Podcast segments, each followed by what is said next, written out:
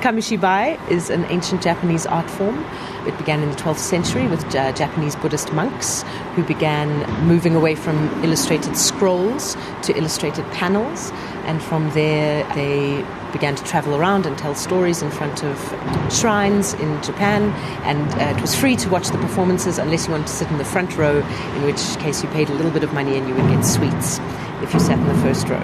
Um, and I discovered the art form when I was in Japan in 2009. Uh, I was living and working there, and I went to the Manga Museum, which was a converted elementary school. And in the basement was this amazing, astonishing performer in these pistachio colored trousers. And he performed uh, this mesmerizing story. And because I studied fine art and drama, the idea of illustrated performance was perfect for me. Dit is ook 'n baie eenvoudige tipe kuns. Jy het hierdie ongelooflike panele wat jy dan self teken? Mostly I illustrate myself or commission illustrators to work with me.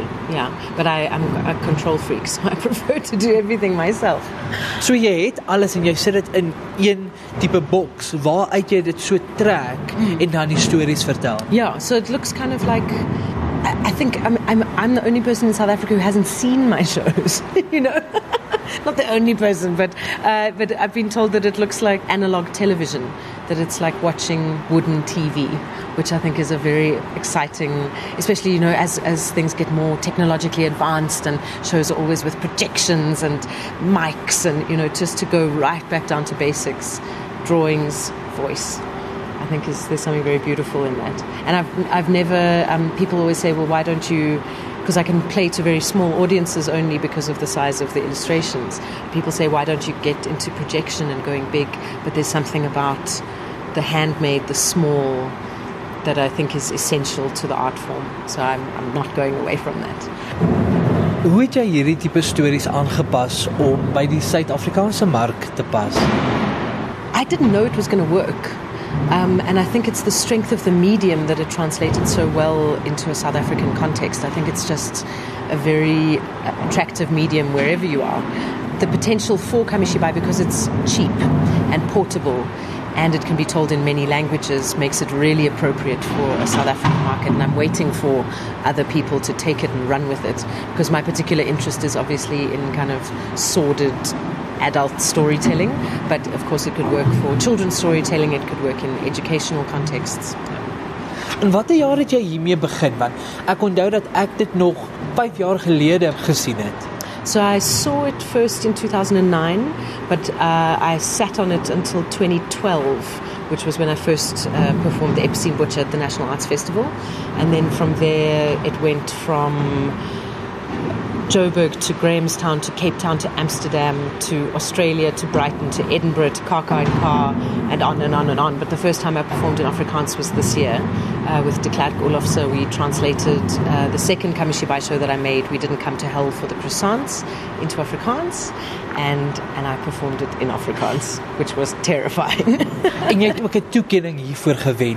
Jy is een van die Standard Bank Jong Kunstenaars van die jaar vir 2018. Ja. Wat beteken dit veral wanneer jy 'n toekenning kry vir hierdie tipe kunsvorm wat nie 'n algemene kunsvorm is nie? Baie mense weet nie hiervan nie. Mm.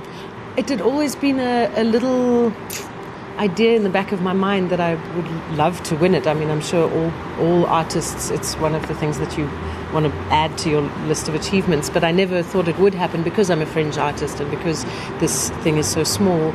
But I think it's just, it's a lovely endorsement of the South African arts that it encompasses so many things. And I think that's wonderful. And I hope it encourages other people who are doing something weird in their garage to keep doing something weird in their garage. So jy het verlede week hier in Johannesburg in Maboneng by Pop Art gespeel en die week is jy in die Kaap. Mm. So I did my one woman show uh, in Boca Alupo uh, for possibly the last time in Johannesburg, which was very emotional. Uh, and this week I'm back in Cape Town with Roberta Pombo and Joni Barnard uh, doing Kid Casino. Um, I was the dramaturge on that production, which basically meant I could just make little choices about lighting and costume and things. And uh, Roberto and Joni are also uh, artists, Johannesburg artists, who are working in a very uh, fringe style. Um, so I'm very excited for Cape Town to see what they're coming up with. Maar gaan jy nog hierdie tipe kommissie baie doen? Ontwikkel jy nuwe stories en waar kom jou inspirasie vandaan? Inspiration is a tough one. Um, inspiration is the idea that doesn't go away, you know? Whether you write it down or not, it just persists. And so it, it's not like you choose it, it just inflicts itself on you for long enough. So the, the next Kamishibai story is in process already. It wouldn't go away. And there it is. Yeah.